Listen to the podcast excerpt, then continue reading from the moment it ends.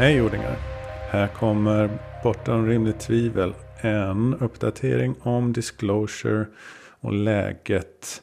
Det är det som är hetast just nu som ni vet. Och Danny Sheehan, konstitutionsjuristen och Steve Bassett är ju de två som är mest i ropet och mest kunniga om dessa frågorna. Jag kan rekommendera att lyssna på dem. Men här kommer i alla fall en liten sammanställning av läget just nu. Om ni vill stötta podden så kan ni enklast möjligt göra det genom att eh, sätta ett betyg i en valfri poddspelare. Gärna i två. Om man kan skänka en slant eh, via Paypal eller Swish. Eh, man kan stötta och prenumerera på extra delar och då gör man det endast via Spotify i nuläget. Man behöver så vitt jag vet inte ha Spotify Premium för att låsa upp extra delarna. Det gör man genom att leta upp ett avsnitt i Spotify med ett hänglås på. Och så klickar man på det och följer instruktionerna. Ja, hörni. I somras vet vi att Grush, Fravor och Graves de vittnade i kongressen. Ett historiskt ögonblick. Strax efter det så gick eh, vissa kongressledamöter lös och skaffade sig ett mandat. Framförallt gällde det då de som sitter i The Gang of Eight och underrättelse och militära utskotten. Framförallt Chuck Schumer då i spetsen, majoritetsledaren. Han skapade då eh, vad som kallas The Schumer Amendment. Som ska ingå i vad som kallas eh, The Disclosure Act. Det är alltså ett lagförslag, alltså en bill som de kallar det. Som är tänkt att hamna då i Eh, National Defense Authorization Act för 2024. Ni minns vi pratade om eh, att det är eh, NDAA 2023 som har gjort skillnaden det här året. Och som har lett till kongressens utfrågningar av nämnda herrar. Och nu är det här än mer prekärt. För den här Disclosure Act gör ju upp en ordentlig plan för hur det ska gå till när de amerikanska myndigheterna äntligen och hela västvärlden då ska titta på dem. Äntligen så ska myndigheterna avslöja att utomjordingarna är här. Och man vill inte att det ska utstå, eh, uppstå någon panik. Och man är väldigt eh, försiktiga och eh, kommer att dra ut på det här. Man har tänkt att dra ut på det i flera år. Jag vet inte hur det ska gå till. Men det kommer ju bli en... Det är ju redan nu som jag har sagt och ni kommer att höra Nolan har sagt. Det är sedan ett tag tillbaka, framförallt sedan solkonferensen, redan en öppen hemlighet bland alla eh, som är djupt insatta och nära de här nyckelpersonerna och, och, och sådant som säger samma sak. Det är en öppen hemlighet att utomjordingarna är här. Det är det liksom. Diskussionen är över. Ehm, Sen det kommer bli svårt för dem som fortfarande då uppenbarligen har i uppgift att desinformera och obfuskera kring just det. Man ska vara medveten om det. Att det inte pratas så mycket om de här aspekterna riktigt i ufologin. Men det, för att ha hela bilden så måste man förstå hur Dels då att den har så hög säkerhetsklassning, högre än vätebomben. Och det får konsekvenser. Sen då den här frågan om hur mycket pengar det rör sig för att påverka folk i media, ufologin och politiker. Det är ju på tapeten nu och då kan vi ju påpeka då att Lockheed Martin omsätter 150 miljarder kronor per år ungefär. Sen har vi Skunkworks och deras mer ljusskygga verksamhet som vi inte vet riktigt vad som, vad som rör sig där för summor. Eh, jag ska sticka in här också att när man rekryterar och driver källor så är det välkända knep som fungerar. Det handlar om att spela på agentromantik. Det nappar nästan alla människor, många typer av människor nappar jättemycket på det. Att man spelar då på agentromantiken. Att du är så viktig och gör, du gör det här hemliga uppdraget för ditt lands bästa och så vidare. Det funkar på alla, i, i vissa mer, vissa mindre. Men det är en garanterad eh, nyckel. En annan garanterad nyckel som är väl beprövad är såklart pengar. Man betalar stora, stora summor för att få agenter eller källor att eh, inhämta information, sprida information, agera i hemligt syfte. Det här är alla på det klara med, men många missar att det pågår även i ufologin. På grund av de stora pengarna och den höga säkerhetsklassningen. Eh, Lockheed Martin då som omsätter 150 eh, miljarder kronor per år. De ehm, skulle kunna lägga 5% av sin budget säger vi för att behålla business as usual. Det är inte orimligt. Då är det 8 miljarder kronor. Du kan då med 8 miljarder muta 800 personer med 10 miljoner kronor var. Med 800 personer utspridda på det här ämnet för att behålla eh, influera den politiska makten och ufologin. För att då göra mångmiljardvinster för att behålla läget som det är. Det är helt rimligt att man då lägger många miljoner på mutor. Och så ska vi vara på det klara med att i USA är det fullkomligt lagligt att en försvarsjätte som Lockheed Martin rakt upp och ner öppet sponsrar demokratiskt valda politiker. Det är ju såklart helt sinnessjukt att det har blivit på det här sättet. Men så är det. Och eh, vi ska också komma ihåg att CIA omsätter ett par hundra miljarder kronor per år. Och att det dessutom finns massor av andra försvarsindustrijättar som Boeing, Northrop Grumman, EG&G. Alla de är inblandade i den här branschen. Så att ni förstår själva att även om mina siffror, uppskattningar om 5% av budgeten och sånt är tagna ur luften så vet vi att det är enorma summor som rör sig för att påverka den här frågan.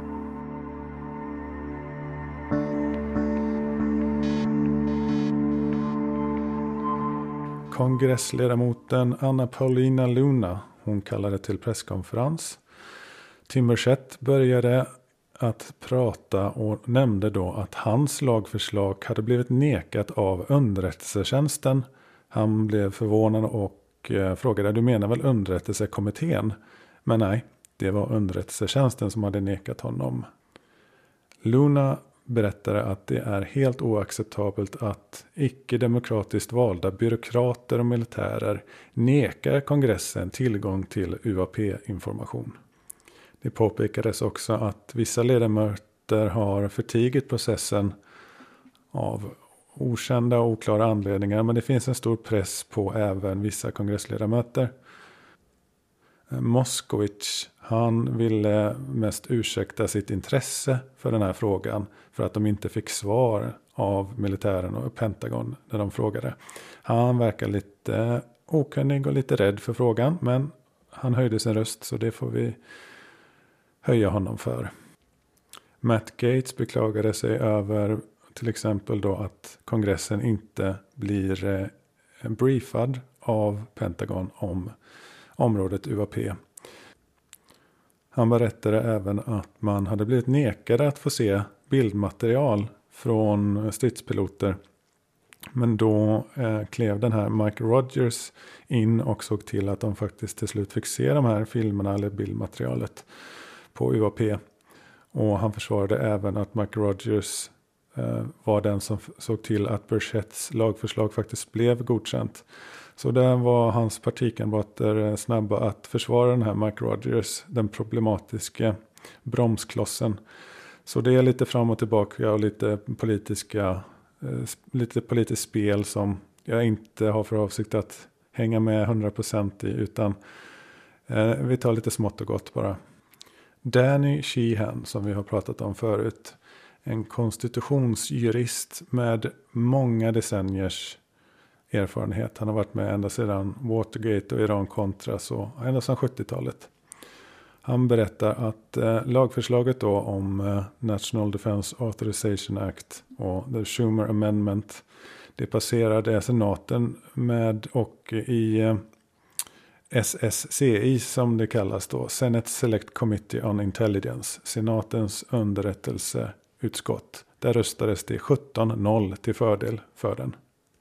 Och i senaten i stort så röstades det till 89-11 till förmån för lagförslaget.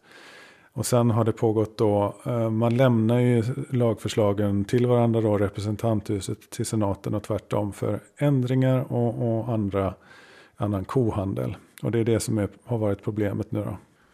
Han, eh, Sheehan berättar att det är i representanthuset som den djupa staten och militära industrin har påverkat vissa representanter att eh, de vill att det ska tas bort det här med imminent domain, vilket översätts till expropriering. Alltså att staten ska ta sig rätt att återta och beslagta egendom, det är expropriering. Men i det här fallet så handlar det om att återta de ufon eh, kraschade farkosterna utomjordiska materialet som har lämnats till Lockheed Martin och andra privata kontraktörer. Det vill man nu skriva in en imminent domain. Att man ska få expropriera tillbaka farkosterna, tefaten. ETs egendom egentligen. Och förresten, bara sticka in här. Vems planet är det vi bor på? Det eh, verkar ju vara så att eh, utomjordingarna har varit här längre än det har funnits människor. Så att de ser väl den här planeten som sin.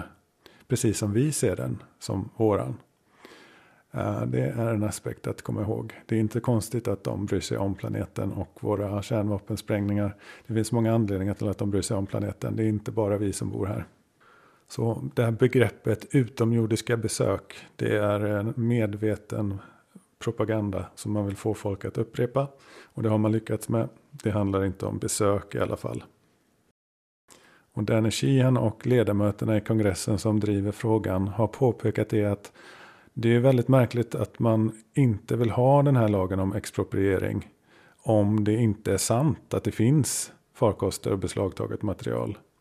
Och de problematiska personerna i fråga är Mike Turner, representanthuset och eh, underrättelseutskottet. Mike Rogers, talman, försvarsutskottet. Michael Johnson, ny eh, temporär talman och en stockkonservativt weirdo. Och även Mitch McConnell. Som ni nog har sett eh, tappa bort sig i tal och helt plötsligt bara står och stirrar alldeles tyst eh, värre än Biden. Sheehan som är väl insatt och har full insyn i mycket av det som pågår påpekar att det förekommer hot mot demokratiskt valda representanter i de här frågorna. Och då ska vi komma ihåg det som Eisenhower, eh, president Eisenhower när han avgick varnade oss för över 60 år sedan. Om att det militärindustriella komplexet hade växt sig eller börjat växa sig allt för stort. Samma krafter håller på att eh, försöka få bort då den här presidentens, jag tror den heter UAP Records Review Board. Alltså presidenten ska ha en eh, styrelse, eh, en grupp med nio personer, experter som ska bli valda då för att rådge presidenten om vad som ska avhemligas och offentliggöras. Den vill de få bort och det är en viktig fråga. Sheehan påpekar det att 99 procent av republikanerna och 99 procent av demokraterna de vill ha den här lagen. Men att då företag som Raytheon och Lockheed Martin betalar för att motverka denna demokratiska process. Och det är ju någonting för de som springer i de här ärendena att fundera över vad är det för krafter man har gått i lag med. Sheehan berättar också att vi har dokumentation för Roswell och eh, inklusive då eh, den dokumentation han själv har sett och tagit i. Han har hållit i dokumentation och bilder. Burchett då, Tim Burchett han poängterar att hans bild, hans lagförslag, det var inte att eh, ersätta någon del av UIP Disclosure Act. Utan det var för att poängtera vissa eh, saker av den extremt komplexa lagförslaget som är UAP Disclosure Act. Han hälsar även att eh, the UAP Disclosure Act den kommer att godkännas. Men vad de bråkar framförallt då är språket och kring områdena om eminent domain, exproprieringen alltså, och olika tvångsåtgärder, alltså förmågan, möjligheten att vidta tvångsåtgärder. samt om den här UAP Review Board. Det är det som eh, det bråkas om. Och med de tre delarna så är det en väldigt bra lagstiftning. Utan dem så kommer det vara betydligt sämre. Så det är väldigt viktiga delar som man bråkar om just nu.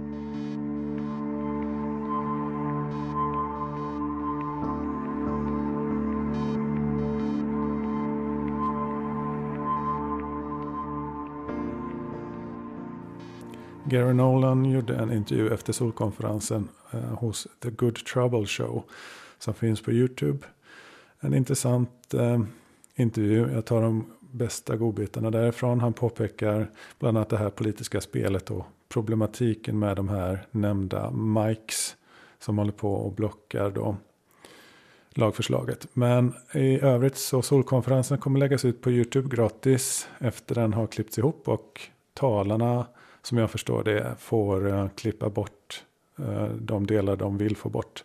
Sen kommer det läggas ut och man kanske ska göra en dokumentär om det också, nämnde han. I mean, Saturday was, was government and policy uh, with some religion uh, at the end uh, to sort of to, to wrap it up. Friday had been all about the science, pretty much, again with some religion mixed in. Um, and so the, the, the takeaway was, I mean, we'll spend probably a good deal of this just talking about the the amendment. Was listening to uh, Carl Nell uh, go over the reasoning behind each of the uh, of the issues in the UAP amendment as it was put forward originally, uh, and uh, the you know the the detailed policy that needed to be understood to understand why the language was the way it was. And so Carl spent, you know, a good half an hour only, although he could have talked for probably an hour, uh, going over uh, this matter. And so, uh, t- to me, the, the takeaway was th- just reading the UAP language itself. There is clear evidence of uh, some sort of a program that deals with material that doesn't seem to be from humans, uh, and that there is overclassification of the data that prevents it from being released to the public. And moreover, it's not just is there a secret or not, it's why isn't, this is my uh, axe to grind, why isn't the information being taken advantage of? I mean, I always have sort of characterize my career as being someone who is uh, upset when there is potential unrealized. And so here you have a clear example of unrealized potential, where you've got materials and objects that are not being taken advantage of in terms of the science that could be done with them. Um, you have knowledge of that we're probably not alone, that we're not alone. Uh, and I'm just state that uh, that's being kept from us, even though it's an open secret. So I don't know right. what they think they're hiding anymore. I don't understand you know, either. you know, I mean, just, I mean, just, I mean, we'll, we'll get to it, of course, but of course, the UAP amendment looks like good portions of it will be stripped down by the by the Republican leadership. And I don't think it's a GOP problem. I think it's just that they were the ones who had the had the levers of power uh, that the lobbyists used to to basically bring the bring the amendment to a screeching halt. But I mean that that anybody could look at this who's a skeptic and argue all they want about fuzzy videos, uh, and but now look at this and say, well, why would lobbyists for the major aerospace corporations bring major pressure to bear such that McConnell went Mitch McConnell went to Schumer and said, "It's over, it's out," and that you have. Well, that was the that's the word on the street. Wow. Right. Ja, så var det då. Men det har eh, skett lite förskjutningar tillbaks igen åt eh, disclosure-hållet så att säga. Så att eh, det där var då. Men nu ser det lite bättre ut som jag förstår det. Does Gary feel that disclosure will come from the government or the phenomenon itself? Is there a sense of urgency to get this out to the public, would you say? I, I, I don't think it's going to come anytime soon from the government any more than what you've already heard. But I mean, I, what are people looking for? I turn the question around. What are people looking for? Are, are, are you waiting for, for them to tell you that it's okay? Can you not see what just happened in the last week uh, and presumably will be finalized tomorrow and not realize that that's a formal admission of, of truth? I mean, we were joking at the beginning of the of the hour. You know, the uh, you know you've got a kid standing on a stool with his hand in the cookie jar and you know turning looking at his mother and saying mommy i'm not i'm not taking these cookies i'm just counting them i, I mean that's what you just saw happen i mean so you you really have um, you you have disclosure right there you just have to read it for what it is again i i never have needed anybody's permission to to come to the right conclusion ingen behöver någon myndighet eller organisation eller auktoritets godkännande för att skaffa kunskap. And I don't think that people that the people who are doing this realize that there's a lot of people out there like me who really don't like being told no. When I have a problem that is is I keep trying and I'm not and it's not I'm not getting the answer that I know is there, it's just going to stimulate me to try harder. Ännu mer angående denna aspekten är det faktum att ni känner till som vi har nämnt att James Fox även har blivit utsatt för påtryckningar och eh, han har inte återkommit och specificerat exakt vad det är han har utsatts för. Men det är såklart samma fenomen som vi nu har pratat om.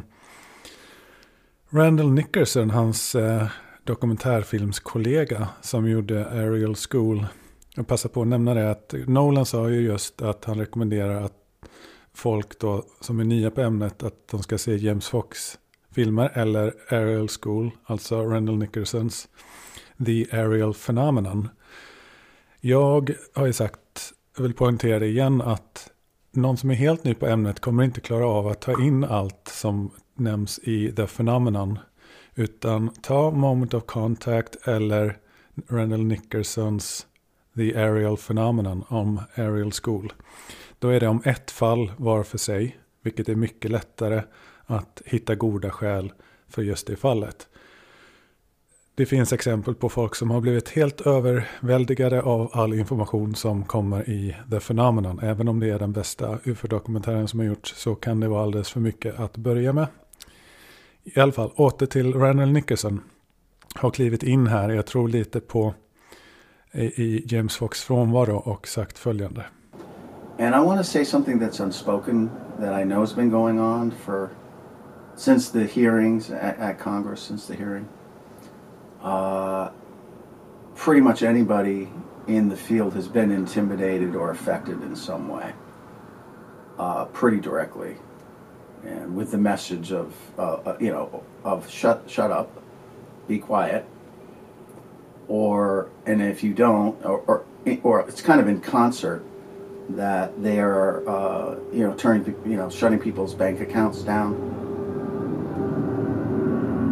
um, shutting their uh, access to uh, marketplaces down with no recourse whatsoever. You just run into it. You go all the way up the chain of command, and there's nothing you can do. Nobody, there's no one who will talk to you. Why? Like, and people's lives have been threatened. This is the United States of America. You know, I, I love this country and I'm having some pretty bad feelings about it right now because of the behavior I'm seeing from people I am supposed to respect and have respected. Um, it's just disheartening, is the proper word, and that's how I feel. Um, because what this issue is is we have another species here period right that's what this issue is about. There's another species. Doesn't matter where it's from. Doesn't we, we don't i don't even care. It's here and it's way further advanced than ours is. Far far advanced. So shouldn't we really, really pay attention to that? Because it has to do with us, all of us, all of us human beings. Och Nickerson fortsätter att berätta om Ariel School och hans dokumentär kontra då Encounters, den här Netflix-serien och hur man eh, plockade fram och den här personen som han inte vill riktigt berätta vad det är som är problemet där. Men det finns en problematik med den här personen och med klippningen. Och Nickerson verkar även ha insikt om att hela den här produktionen verkar ha varit lite haft lite skumma motiv. Och det är även ryktet eh, bakom kulisserna om den här Encounters. Att den var inte helt eh, enligt konstens ärliga regler. Jag tror jag nämnt det, men jag gör det i alla fall en gång till. Att man kunde inte kalla Encounters för en dokumentär. För att man har erbjudit och betalat personer för att ställa upp. Jag tror det handlade om eh, 5 000 kronor var standardsumman för att vara med i den där dokumentären. Eller det är inte en dokumentär då, det är därför den inte kallas för dokumentär. School, um, I have to say I knowing these kids that this happened to for 15 years, 16 years now, finding them, getting to know them, like hearing their stories, hearing the other witnesses around the area's stories, hearing their parents, all that. I I really feel a little bit angry that this production uh, hurt them. You know, it painted their story as, oh, it's a real story, and then they included somebody that and edited his interview to make it look like, oh, there's a question about this story that somebody made it up. I did that work for a couple of years. You know, I found out who who in the school made up stories. I went that far. And who believed who and who was who in the the mix of the school. And um, so for them to try to poke a hole into this story the way in which they did, I felt was purposeful and very hurtful to the individuals of the witnesses, the, the witnesses, to the witnesses. I'm sorry, that's just knowing all these people for so long. How dare you? How dare you do that to somebody? If you're going to do that to somebody, you have to have a damn good reason. You can't put somebody on who I really can't say too much more about that. You just you can't do that. I'm sorry. How dare you? I have a bunch of attorneys right now, but um, I'm, I'm working toward uh, dealing with these people directly because of what they did and how many people they hurt. Uh, and I'm just getting going, really. Like uh, the the fuse has, was lit a long time ago, and it's not going to stop until uh, people's names get called out and uh, made responsible for certain things that they did. I am uh, a little disappointed in the, um, the bill, the UAP part of the bill for 2024, that it is not getting passed because money has been going to the senators from some of these contractors, some of the same uh, arms of contractors that uh, have been intimidating people um, to try to keep this under wraps from the American people all the way up. So, um, the only way we can do anything is call these people out and stand up. And you have to do it. And how I feel about it at this point is you can hang me, burn me, cut me in pieces, put me in jail, do everything you want to. I don't care anymore. I'm going to continue to fight because unfortunately, someone else is making it a fight.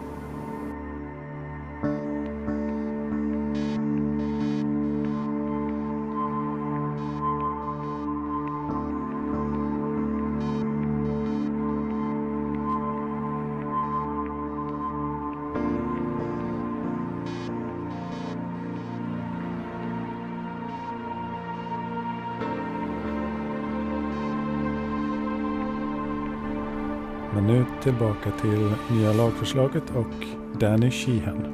NDAA itself is like over a thousand pages long. So the 64 page thing addresses the issue of the fact that the United States military and intelligence agencies uh, have had in their possession for some time, decades, in fact, uh, a uh, crashed uh, or downed UFO vehicle, uh, which they have uh, adopted the operative conclusion, or at least functional theory, that it's extraterrestrial. and in fact, they have now recovered physical body parts from a crash uh, and they've run DNA tests on it, and they know that the the occupants of the UFO vehicles are not human. People have come started to come forward from inside the program and have insisted that this information be uh, turned over to the United States Congress. Uh, this was initiated by people inside the program, inside the Pentagon. Lou Elizondo, uh, David Grush, a, a number of other people This is an extraordinarily serious uh, issue that we need to talk about here this morning is that the the national security state, uh, the CIA and DIA and others uh, that are part of the, the so-called deep state uh, of the United States, the national security state and infrastructure, have a track record over the past 75 years of having engaged in violent, uh, threatening uh, activity toward anyone who tries to brief in the Congress of the United States or try to take some kind of official position with regard to uh, the UFO phenomenon. They've uh, threatened to kill people. They've destroyed people's family lives. They've destroyed their career uh, by by putting out false information about people. and so, this threat that is represented by the national security state operations uh, of our United States government uh, since 1947 uh, is a factor here uh, and it frightens members of our elected representatives in the House and Senate, and they reflect this to us. Now they go, "Oh, look at I'm not I'm not going near this because you know all of a sudden you know a million dollars will show up uh, in the campaign against me in my next election, and so I'm not going to do this." Ni har säkert hört uttrycket assumption is the mother of all fuck-ups. Alltså att antaganden Felaktiga antaganden är det som oftast leder till stora katastrofer. Och det kan även leda till små katastrofer eller felaktiga antaganden är helt enkelt ett problem. Vi människor är väldigt benägna att hoppa till felaktiga slutsatser. Det är ofta så att vi tar första bästa tanke som kommer upp. En vis person litar inte på den första tanken som dyker upp på ett ämne man inte riktigt har hundra koll på. Så jag vill bara säga det att om ni tror att det här spelet som vi pratar om här i det här avsnittet är begränsat till USA så kan jag säga att så är inte fallet. Det förekommer även här och i Europa. They're going to insist upon being briefed in uh, on this now. And this has taken the form of this uh, UAP or UFO uh, Disclosure Act. And it is, it is going to be setting up, uh, it's intending to set up this nine person commission that the president is going to appoint, and they're going to have the power to extract the, all of this information from all the military services and intelligence agencies and private corporations and put it into the hands of the United States Congress. Uh, and that is being resisted, uh, even though there's overwhelming uh, bipartisan support for this in both the House and the Senate. It's being resisted by like four people uh, you know, uh, that one of them is Michael Turner, who is the head of the House Intelligence Committee.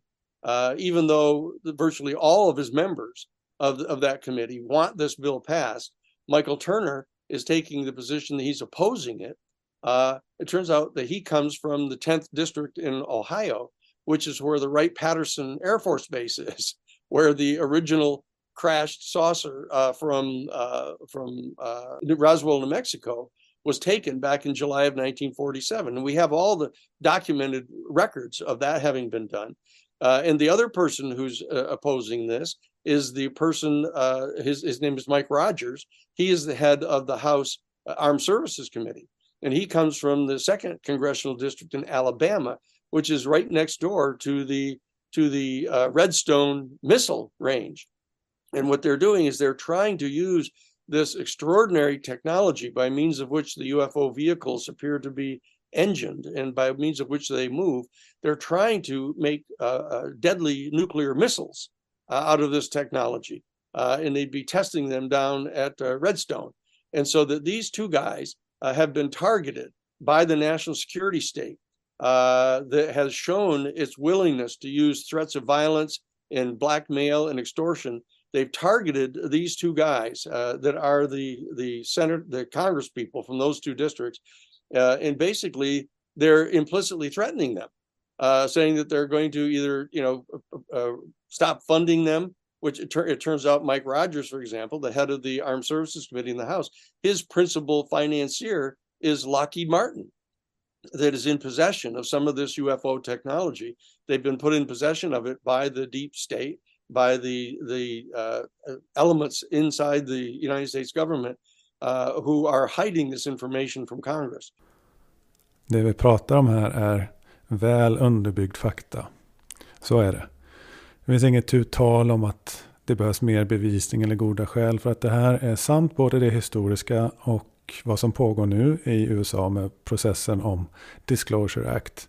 Danny Sheehans många decennier och ställning i eh, konstitutionell juridik med massor av högprofilerade fall bakom sig talar också för sig själv. Nyhetsvärdet är helt uppenbart också. Och här gör många misstaget att försöka hitta en dålig snabb bortförklaring till varför läget i media är som det är på det här ämnet. Not only will the Congress be briefed in in detail about what all the information is that's been garnered ever since basically January 1st of 1945 uh, about this uh, issue of the UFOs and this extraterrestrial intelligence or non-human intelligence that are, are piloting these craft, uh, but also to find out what, if any, communication has been established with this extraterrestrial civilization. You know, uh, what, uh, how they've lied to our State Department and pretended they don't have any information about this. Uh, and uh, this is a this is a major constitutional moment uh, for our country to see if we can overcome the power uh, of this deep state uh, and of its alliance with private uh, industry in the aerospace industry to succeed in getting this statute passed. om när lagen går igenom som det är tänkt så kommer från den 1 januari ha 300 dagar på sig att sammanställa och digitalisera den informationen som är avsedd. Eh, det är tänkt då 1 januari 45 och framåt. Och när det är sammanställt så efter 300 dagar så ska den här UIP Review Board, presidentens rådgivningspanel, har då 180 dagar på sig att besluta tillsammans med presidenten vad som kommer offentliggöras. 300 dagar från den 1 januari 2024. Det blir den 27 oktober. Presidentvalet det sker den första tisdagen i november. Så det här är alltså samma tid som presidentvalet är som hetast. Som de här tre dagarna har löpt ut. Och sen då ytterligare 180 dagar. Då landar vi den 5 maj 2025. All information som är äldre än 25 år måste offentliggöras inom de här 180 dagarna.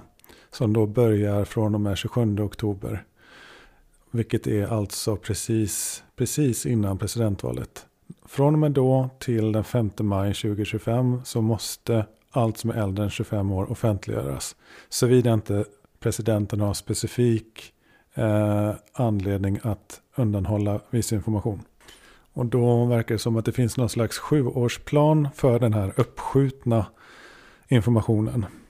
Så en sjuårsplan är det tänkt som från och med då 2024 eller från och med nästa president. Jag är lite osäker där. Vilken information är ni mest sugna på? Jag kan ju inte låta bli att tänka på överlevarna från Roswell och Virginia. En i Roswell och två i Virginia. Sheehan bedömer sannolikheten för att lagen ska gå igenom så som det ser ut just nu till 45 procent. Och det är inte gångbart utan man måste jobba upp det och han tror att man kan nå till 65 procent om man eh, fortsätter att kohandla då i kongressen.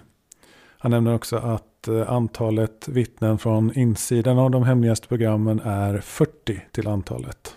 Sheehan påminner om hur det gick till under Iran-Contras-affären när CIA smugglade knark och Eh, stöttade grillor i Sydamerika. Att den kongressledamoten som ställdes upp och krävde undersökning av Iran-Contras-affären Hans fru fick en pistol i munnen. De blev hotade till livet för att de öppnade den asken. Gå gärna till Engage in the Phenomenon. James Endolis eh, YouTube-kanal, han finns på Spotify också. Där han intervjuar Sheehan. Den här intervjun är väl värd att lyssna på även om jag har plockat ut vissa delar. Så berättar han lite mer detaljer om alla de här historiska händelserna och hoten och hur CIAs eh, operationsdel då eh, har spelat det här fulspelet sedan lång tid tillbaka. Så gå gärna in till James Endolis eh, kanal Engaging the Phenomenon och lyssna på intervjun med Dennis Sheehan. Uh, there, there is some group of people that are the basic successors to what may have been called the Majestic 12 that was appointed by uh, President Truman back in July of 1947. There were 12 people that were assigned this task to, to at that time, keep this information secret, to determine what's going to be done with the craft, uh, what's going to be done with the bodies. You know, if they recover a live uh, uh, being from one of these craft, which they have, uh, how that how that that being is going to be treated. You know, what kind of uh, interrogation they're going to be subjected to. You know, th- these the, the problem of having this entire thing prisoned through the lens of the national security state uh, is not only that they're trying to keep this information secret so they can make weapons out of it, uh, but it's in, in, aid of their effort to establish full spectrum military dominance over the planet. Ja, herregud. Gudars skymning. Hade någon spelat upp det här för mig för fem år sedan bara så hade jag nog smält av. Jag hade inte klarat av att eh, förstå att det kan vara sant ens. En bra metod för information, mycket information, så kan man bygga kunskap. Så nu kan vi veta att det är så här den egentliga 1900-talshistorien ska skrivas. Ja, och då har jag inte ens gått in på andra bitar som faktiskt har med ufologin att göra.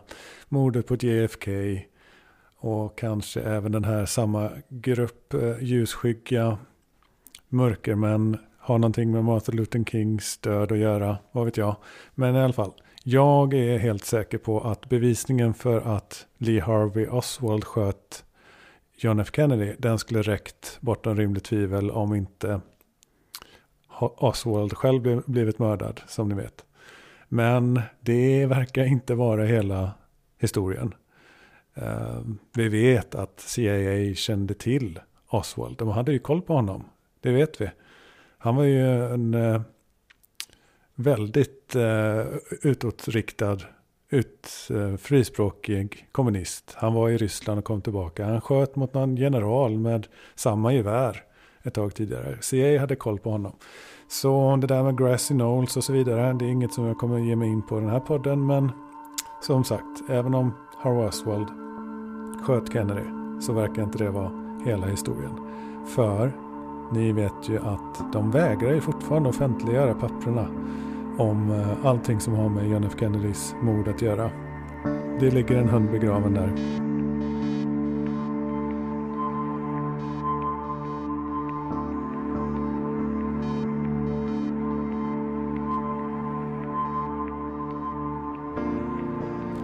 Och eftersom respektabel brittisk press inte heller publicerar någonting egentligt som de borde på det här området så får vi gå till The Daily Mail där en mycket intressant artikel publicerades i slutet på november som många av er säkert redan har läst men eh, för några sammanfattande punkter angående den så handlar det om att CIA har haft ett hemligt kontor som har hämtat in minst nio kraschade eh, eh ufon runt om i världen.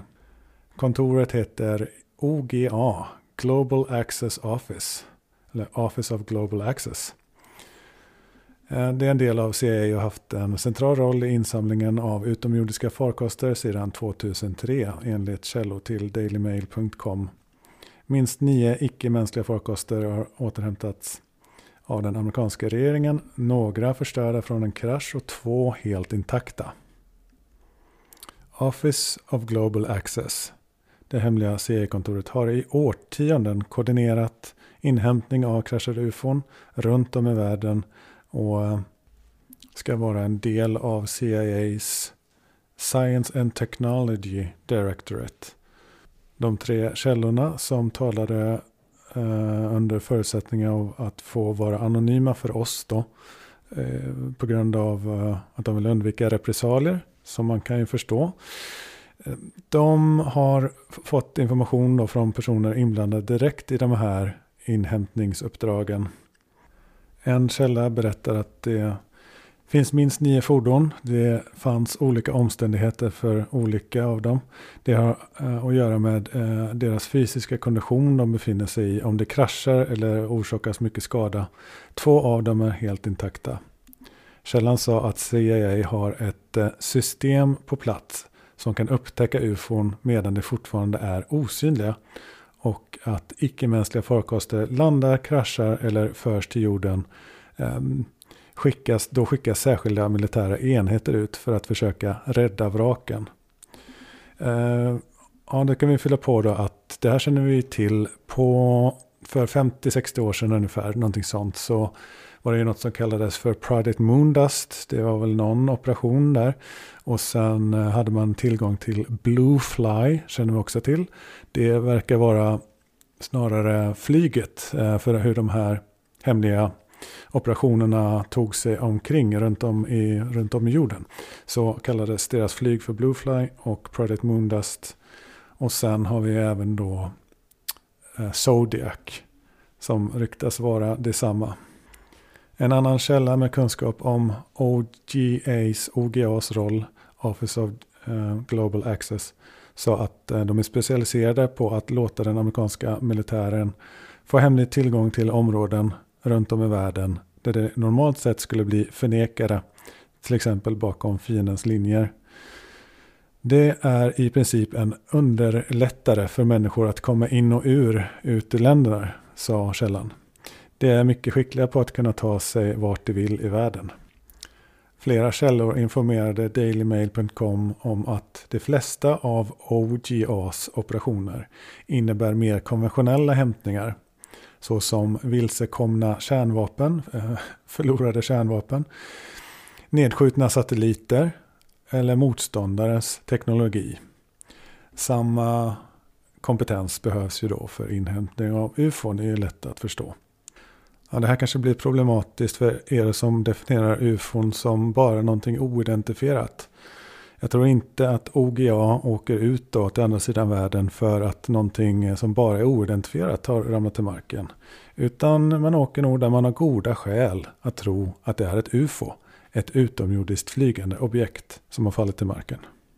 Och det här med OGA det har ju pågått ända sedan, ja, under hela Blue Book-tiden åtminstone. Det anade till och med eh, J. Allen Hynek att så var fallet. Och det hade han ju rätt i att misstänka. De åker i alla fall ut eh, för att inhämta det här och skydda hemligheten, säger en källa. Eh, den faktiska fysiska inhämtningen görs av militären, men sen hålls det inte under militär kontroll, utan ges ganska snabbt, förflyttas det till privata händer. Som jag förstår det så kom det ut 2016 då att eh, eh, National Archives, där hade man OGA som ett av 56 kontor inom CIA. Och man hade totalt 286 direktörer på denna byrå. Och på en eh, icke hemligstämplad organisationskarta som publicerades 2015 över CIA, då hittar man OGA då bland eh, nio kontor inom Science and Technology. Den sentida CIA-experten Jeffrey Richardson skrev i en bok från 2016 om byrån att OGA grundades 2003 och hänvisade till en av CIAs beskrivningar som säger att det interagerar integrerar analys, teknologi och yrkeskunskap för att angripa de svåraste målen och tillhandahålla global insamlingskapacitet. Men 2003 är snabbt, knappast startskottet för en sådan aktivitet. En biografi eh, om den tidigare biträdande direktören för OGA, Doug Wolf. Eh, den presenterades 2017 och säger att eh, hjälpt, han hjälpte till att starta Office of Global Access. Eh, uh, Wolf i hans biografi uh, tillägger kryptiskt att han var ansvarig för att leda och hantera strategiska och övervakade åtkomstprogram som levererar underrättelser från de mest utmanande förnek förnekade områdena och tjänade som uh, programchef med ansvar för helhetsanskaffningen av ett eh, innovativt nytt käll och metodsystem för underrättelsetjänsten. Ja, det, är, eh, det är faktiskt ChatGPT som översätter det här. Ni får ursäkta. Två källor berättade för Daily Mail om att eh, OGA samordnar med specialstyrkor som Navy Seals och Delta Force från armén och Pentagons Joint Special Operations Command, JSOC. Eller då de experter på kärnvapen som Nuclear Emergency Support Team, NEST. Eh, som är till för att samla in de kraschade eller landade farkosterna. Department of Energy, det är den här beryktade specialstyrkan som de har. Antar jag. Eller så ska det vara. Eh, en annan källa dock, eh, som har informerat medlemmar i kongressen om påstådda Eh, inhämtningsuppdrag sa att Nest inte hade varit inblandad i några av dessa operationer. Nåja. En eh, talesperson för byrån förnekade också inblandning, det Department of Energy. Men de är ju inte underställda offentlighetsprincipen som NORAD också till exempel. Det vet vi sedan tidigare. NEST är det vi pratar om då. Och vad stod det för då? Det stod för Nuclear Emergency Support Team. Deras personal stöter regelbundet på material från okända källor, sa en talesperson. I själva verket är en av Nests uppgifter att hjälpa till att fastställa ursprunget till kärnmaterial som inte som, ja, som är utanför någon slags kontroll där och används i eh, kärnanordningar. Under sina operationer har Nest aldrig stött på något material relaterat till UAP, säger de. Det tror inte jag på. I ett skriftligt uttalande sa en talesperson för JSOC till Daily Mail Vi har inget att ge dig om detta. Nej. En före detta medlem av SEAL Team berättade för DailyMail.com att de hade deltagit i operationer samordnade av CIA för att hämta högvärdiga övergivna fiendevapen och att de kände till kollegor som hade deltagit i liknande uppdrag. Där de återhämtade teknologi som var, verkade mycket avancerad. Även om det inte nödvändigtvis var utomjordisk. Antingen så var den väl det, det är väl inte så svårt att avgöra. Ja, kryptiskt. Ja, vi fortsätter. Det händer absolut, sa den före detta SIL-medlemmen Eh, även ammunition eller ett vapen som vi aldrig har sett hämtar vi och tar eh, hand om. En källa sa till Air Force Special Operations Command eh, 24 Special Tactics Squadron som är baserad på Pope Field i North Carolina. De ska också ha varit inblandade i att säkra områden för hämtning av ufo-krascher. Källorna säger också att eh, CIA-kontoret ofta överlämnar vraken och materialet till privata rymdteknikentreprenörer för analys. Eh, där de då inte omfattas av rigorösa offentlighetsprinciper och kan skyddas med skydd för företagshemligheter istället. Det är CIA som är eh, portföljförvaltaren eller ägaren av UAP-ämnet och Eh, deras crash retrieval operationer, sa en källa. Eh, som har delat med sig av detta till kongressen. Och det vet vi ju från CIA själva att det är de som är eh, som hanterar frågan och de använder bland annat då US Air Force som utförarna av eh, hantverket så att säga. Men även andra specialförband då uppenbarligen. Energidepartementet och deras materialanalyser är också inblandade. Även Luftfartsverket och försvarsindustrin och andra entreprenörer. Eh, men de hanterar andra radioaktiva material eh, som härrör då till intakta farkoster. Flera av de här källorna påstår att eh, det är inte är säkert att alla som är involverade i de här programmen förstår att det handlar om icke-mänskliga farkoster och teknik på grund av den rigorösa sekretess och hemlighetsmakeriet. Det var kontentan av artikeln. Men det finns eh, med i en länk till artikeln i avsnittets beskrivning och så även eh, länkar och till annat och eh, hur man stöttar podden och så vidare. Så vi får tacka för den här gången och på återhörande.